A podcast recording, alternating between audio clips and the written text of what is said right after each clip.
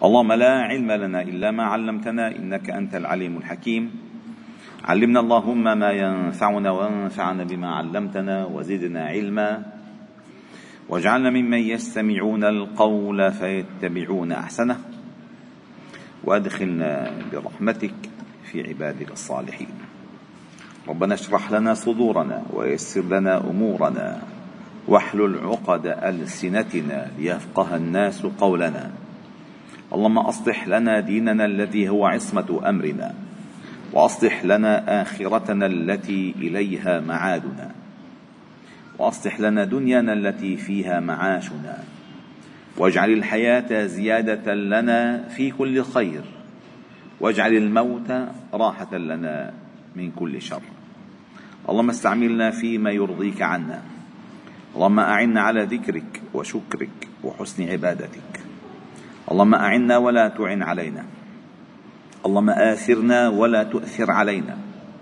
اللهم أعطنا ولا تحرمنا. وأكرمنا ولا تهنا. وارفعنا ولا تضعنا. اللهم اجعل خير أعمالنا خواتمها. واجعل خير أيامنا يوم نلقاك فنسعد برضاك ورؤياك.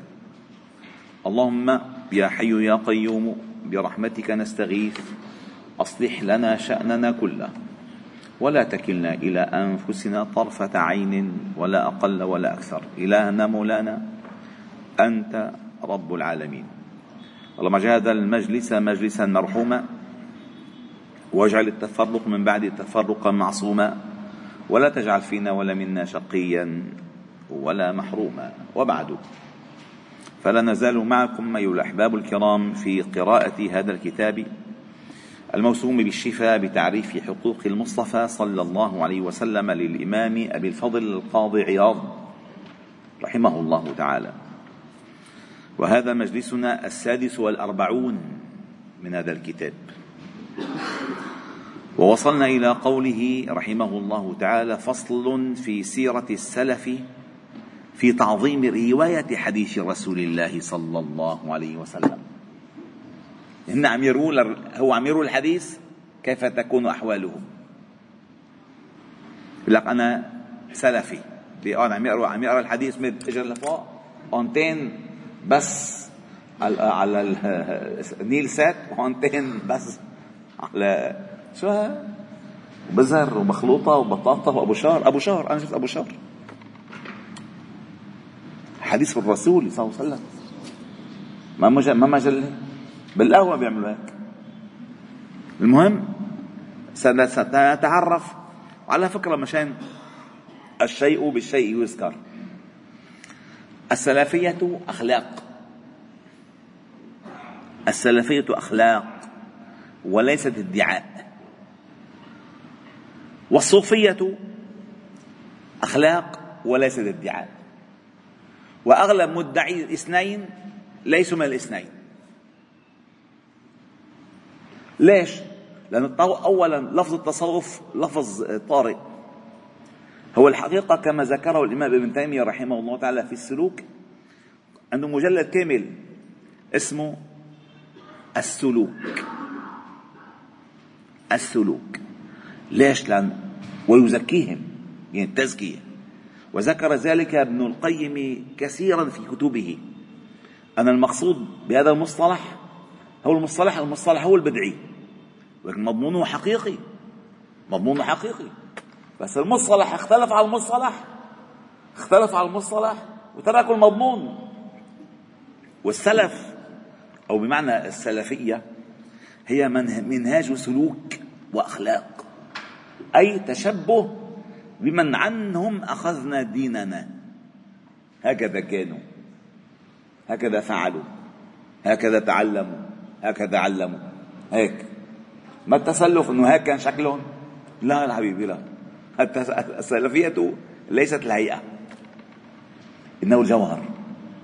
وكذلك التصوف ليس المظهر. إنه الجوهر. وللكلام طو... وللكلام بحار كثيرة زخارة ولكن تكفي الإشارة في هذه العبارة. في بداية هذا الكتاب. فقال فصل في سيرة السلف في تعظيم رواية حديث رسول الله صلى الله عليه وسلم وسنته. حدثنا قال حدثنا الحسين بن محمد الحافظ حدثنا أبو الفضل ابن خيرون حدثنا أبو بكر البرقاني وغيره حدثنا أبو الحسن دار قطني حدثنا أبو علي بن مبشر حدثنا أحمد بن سنان القطان. أخبرنا يزيد بن هارون. أي صفحة نحن عم نقرأ؟ صفحة 22 الجزء الثاني 22 المجلد الجزء الثاني 28 عن, عن نعم. أخبرنا المسعودي عن مسلم البطين عن عمرو بن ميمون قال اختلفت إلى ابن مسعود سنة. إذا عم بيجي لعنده تردد على سنة. فما سمعته يقول قال رسول الله صلى الله عليه وسلم إلا أنه حدث يوما فجرى على لسانه قال قال رسول الله صلى الله عليه وسلم ثم علاه كرب حتى رأيت العرق يتحدر عن جبهته ثم قال هكذا إن شاء الله أو فوق ذا أو ما دون ذا أو ما هو قريب من ذا. يعني خاف ما يكون اللي قالوا نقصوا أو زادوا أو غير فعم يقول أنه قال هكذا إن شاء الله أو فوق ذا أو دون ذا أو ما هو قريب من ذا. كما نقول نحن أو كما قال صلى الله عليه وسلم. وفي رواية فتربد وجهه. وفي رواية وقد تغرغرت عيناه وانتفخت أوداجه. قال إبراهيم بن عبد الله بن قريم الأنصاري قاضي المدينة مر مالك بن أنس على أبي حازم. ويحدث فجازه. هذا أبو حازم عمي عالم. فجازه وهو يحدث فقال إني لم أجد موضعا أجلس فيه وكرهت أن آخذ حديثا وسلم وأنا قائم. نقول هلا عدو. ها؟ عدو. عدو. كان عم تقول قوموا لك عدو. سبحان الله. وقال مالك جاء رجل إلى ابن المسيب فسأله عن حديث وهو مضطجع. فجلس وحدثه فقال الرجل وددت أن لم تتعنى أن ما تتكلف خليك مرتاح. فقال إني كرهت أن أحدثك عن النبي صلى الله عليه وسلم وأنا مضطجع. الله الله. وروي عن محمد بن سيرين أنه كان وأنه كان قد يكون يضحك فإذا ذكر عنه حديث صلى الله عليه وسلم خشع. وقال أبو مصعب وكان مالك وما كان مالك بن أنس لا يحدث بحديث رسول صلى الله عليه وسلم إلا وهو على وضوء إجلالا له الله الله. وحكى مالك ذلك عن جعفر بن محمد الصادق. وقال مصعب بن عبد الله كان مالك بن أنس إذا حدث عن وسلم توضأ وتهيأ ولبس ثيابه ثم يحدث. أدب. وقال مصعب فسئل عن ذلك فقال إنه حديث رسول الله صلى الله عليه وسلم. قال مطرف كان إذا أتى الناس مالكا خرجت إليه الجارية وتقول لهم يقول لكم الشيخ يعني يجي إلى الناس يتعلموا عنده. فبتطلع الخادمة فتقول لهم يقول لكم الشيخ تريدون الحديث أو المسائل يعني المسائل الفقهية ولا الرواية الحديثية؟ فإذا قالوا فإن قالوا المسائل خرج إليهم. وإن قالوا الحديث دخل مغتسله فاغتسل وتطيب ولبس ثيابا جددا ولبس ساجه يعني الشلحة تبعيته. وتعمم ووضع على رأسه رداءه وتلق وتلقى له منصة فيخرج فيجلس عليها وعليه الخشوع. فلا يزال يبخر بالعود حتى يفرغ من حديث رسول الله صلى الله عليه وسلم. صوم الأمام مجلس؟ هيك المجلس. قال غيره ولم يكن يجلس على تلك المنص المنصة إلا إذا حدث عن النبي صلى الله عليه وسلم. وعن ابن أب وعن وقال ابن أبي أويس فقيل لمالك في ذلك فقال أحب أن أعظم حديث الرسول صلى الله عليه وسلم ولا أحدث به إلا على طهارة متمكنا. وقال وكان يكره أن يحدث في الطريق أو وهو قائم أو مستعجل. وقال أحب أن أفهم حديث النبي صلى الله عليه وسلم. وقال ضرار بن مرة كانوا يكرهون أن يحدثوا بحديث على غير وضوء ونحوه عن قتادة. وكان الأعمش إذا أحب أن يحدث وهو على غير وضوء تيمم أسرع. وكان قتادة لا يحدث إلا على طهارة. ولا يقرأ عليه وسلم إلا وعلى إلا على وضوء. وقال عبد الله بن المبارك كنت عند مالك ويحدثنا فلدغته عقرب ست عشرة مرة. وهو يتغير لونه ويصفر ولا يقطع حديث رسول الله صلى الله عليه وسلم. أنا لا إذا بالصلاة وانطفت المروحة. وقف المكيف. الله يستر. بعد الصلاة كيف حياكل مسبات الإمام شو هذا؟ معقولة؟ فصلة. قرآن ما حديث سبحان الله. ما زمن شكي شكي شكي شكي شكي. قلت له الحمد لله الله ما جعلنا صحابة. لكن ما بتحملنا الأرض حصباء حصباء. والسقف جريد. شت الدنيا كانوا راسهم بالوحل. هلا سجاد تحته بطانة. ومكيفات وشبابيك وهيدفون وكله كله. ما عدا عشب وعشب سبحان الله. لا إله إلا الله. قال لدغتني فلما فرغ من المجلس وتفرق عنه الناس قلت له أبن المبارك يا أبا عبد الله لقد رأيت منك اليوم عجبا. قال نعم. لدغتني عقرب ست عشرة مرة وأنا صابر في جميع ذلك وإنما صبرت إجلالا لحديث النبي صلى الله عليه وسلم. وقال ابن مهدي مشيت يوما مع مالك إلى عقيق فسألته عن حديث فانتهرني وقال لي كنت في عيني أجل من أن تسألني من حديث وسلم ونحن نمشي. طبعا نعود. وسألوا جرير بن عبد عبد الحميد القاضي عن حديث وهو قائم فأمر بحبسه. فقيل له إنه قاض القاضي بتحبسه؟ قال القاضي أحق أن من أدب. وذكر أن هشام ابن الغازي سأل مالكا عن حديث وهو واقف فضربه عشرين صوتا ثم أشفق عليه حدثه عشرين حديثا.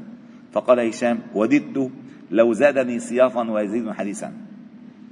إنه رد له بالعشرين صوت عشرين حديث. قال يا ريت اعملوا 40 اعطينا 40 حديث.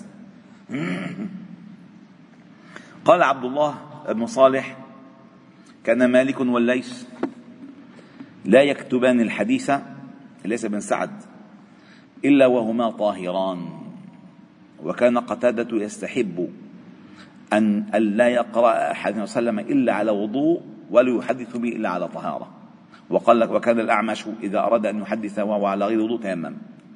يعني أتمنى مثلا إذا بهاليومين تقرؤون وحدكم سيرة الإمام مالك. الإمام مالك فعلا إمام دار الهجرة. والإمام مالك هو أول من من كتب في جمع الأحاديث النبوية على أبواب الفقه. إمام عظيم إمام مالك. قال فصل قال ومن توقيره صلى الله عليه وسلم وبره بر آله وذريته وأمهات المؤمنين أزواجه كما حض عليه عليه الصلاة والسلام عليه وسلكه السلف الصالح رضي الله عنهم. قال الله تعالى إنما يريد الله ليذهب عنكم الرجس أهل البيت ويطهركم تطهيرا. وقال تعالى وأزواجه أمهاتهم. أخبرنا الشيخ أبو محمد بن أحمد العدل من كتابه وكتبت من أصله.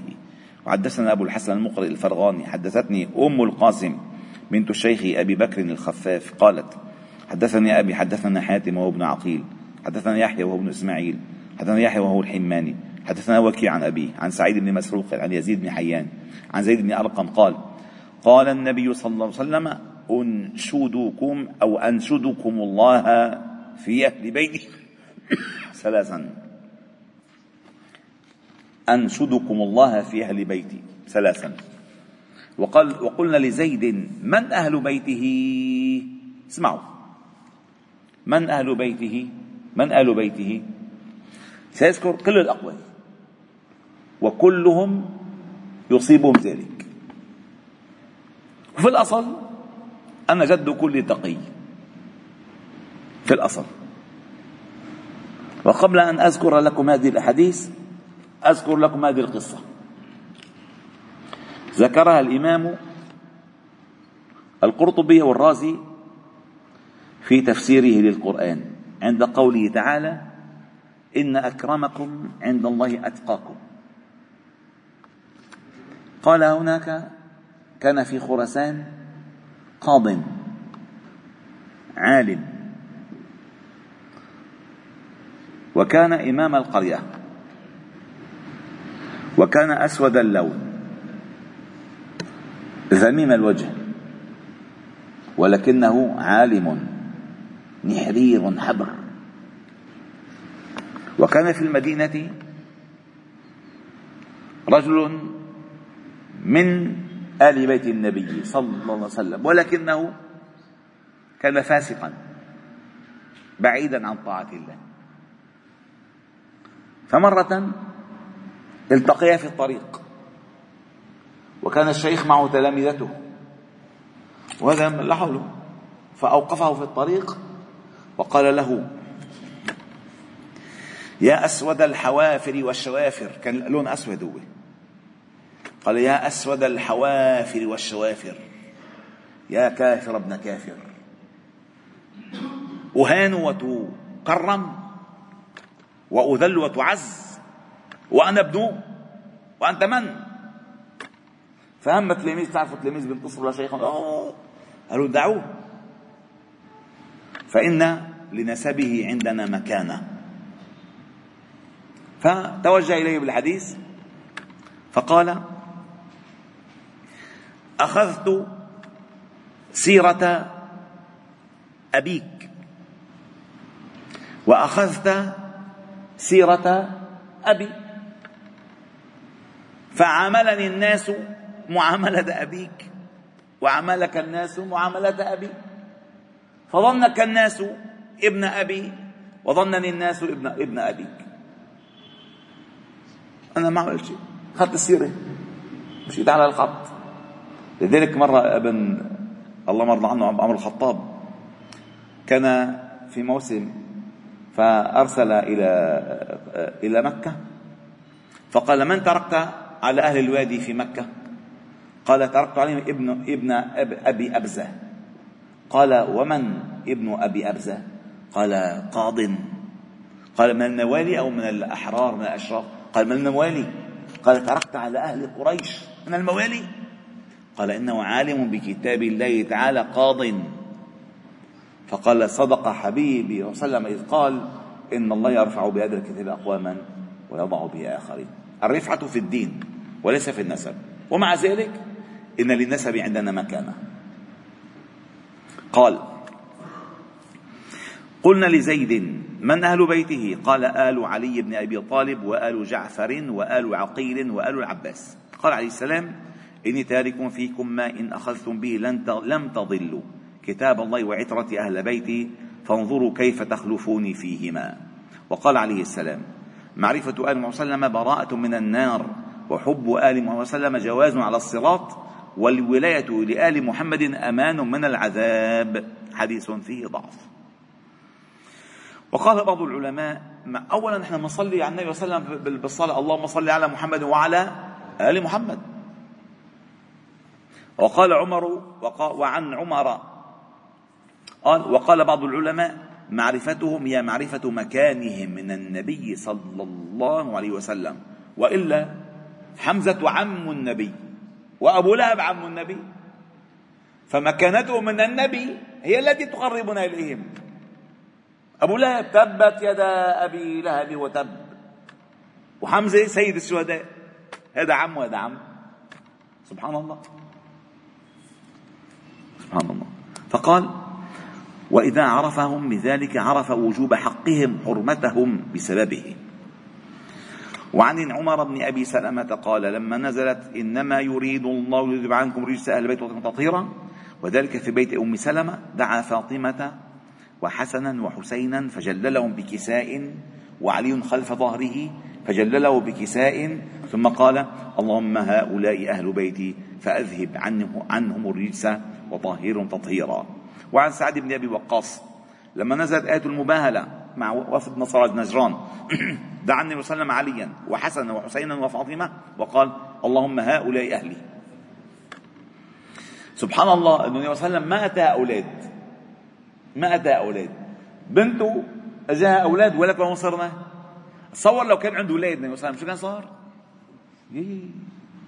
ما كان محمد أبا أحد من رجالكم. وقال النبي صلى الله عليه وسلم في علي. من كنت مولاه فعلي مولاه. اللهم والي من والاه وعادي من عاداه. اللهم إنا نوالي كل آل بيت النبي صلى الله عليه وسلم ونحب كل صحابته الكرام. وقال فيه لا يحبك إلا مؤمن ولا يبغضك إلا منافق. أنا كنت أعرف شيخ رحمه الله مات كان عنده أولاد أبو بكر وعمر وعثمان علي.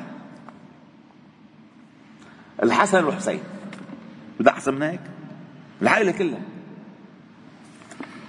وقال للعباس والذي نفسي بيده لا يدخل قلب رجل الإيمان حتى يحبكم لله ورسوله. من آذى ومن آذى عمي فقد آذاني وإنما عم الرجل صن أبيه. يعني مثل أبوه. وقال العباس اغدوا, اغدوا علي يا عم مع ولدك. فجمعهم وجللهم بملاءته ثم قال هذا عمي وصن أبي. وهؤلاء أهل بيتي فاسترهم اللهم من النار كستر إياهم فأمنت أسكفت أسكفت أسكفة الباب. يعني آه، اللي هو الدكك اللي بالباب والخشب. وحوائط البيت آمين آمين. سبحان الله. وكان يأخذ أسامة بن زيد والحسن ويقول الحسن وأسامة يعني ابن بنته وابن حبه أبن حبه. ويقول اللهم إني أحبهما فأحبهما. وقال أبو بكر ارقبوا محمدا في أهل بيته. وقال أيضا والذي نفسي بيده لقرابه وسلم أحب إلي أن أصل من قرابتي. يعني أنا بدي أروح من عند ابن عمي لا أفضل أروح عند يلي عليه وسلم أفضل. وقال أحب وسلم أحب الله من أحب حسينا. وقال من أحبني وأحب هذين أشار الحسن والحسين وأباهما وأمهما كان معي في درجة يوم القيامة. وقال عليه السلام من أهان قريشا أهانه الله. وقال صلى الله عليه وسلم قدموا قريشا ولا تقدموها ولا تقدموها. وقال صلى الله عليه وسلم لأم سلمة ولا تؤذيني في عائشة. إذا عائشة من أهل بيته. وعن نقبة ابن الحارث رأيت أبا بكر يقول أمر عنه وقد جعل الحسن بن علي على عنقه وهو يقول بأبي شبيه بالنبي ليس شبيها بعلي. وعلي يضحك. يعني حاطط الحسن على كتفه وعم يقول له لعلي بأبي يعني أفديه بأبي شبيه بالنبي وليس شبيها بك يا علي. وعلي عم يضحك. أخذ الشبه من أمه لأبوه من فاطمة اللهم ارضى عنها. وروي عن عبد الله بن الحسن قال أتيت عمر بن عبد العزيز اللهم ارضى عنه في حاجة. فقال لي إذا كانت عن عبد الله بن الحسن ابن علي يعني. إيه؟ مشان تعرفوا سياق الحديث. عن عبد الله بن الحسن ابن علي. قال قال أتيت عمر بن عبد العزيز في حاجة. فقال لي إذا كانت لك حاجة فأرسل إلي أو اكتب فإني أستحي من الله أن يراك على بابي. وأنت من آل بيت النبي صلى الله عليه وسلم. تجي لعندي أنت تقف.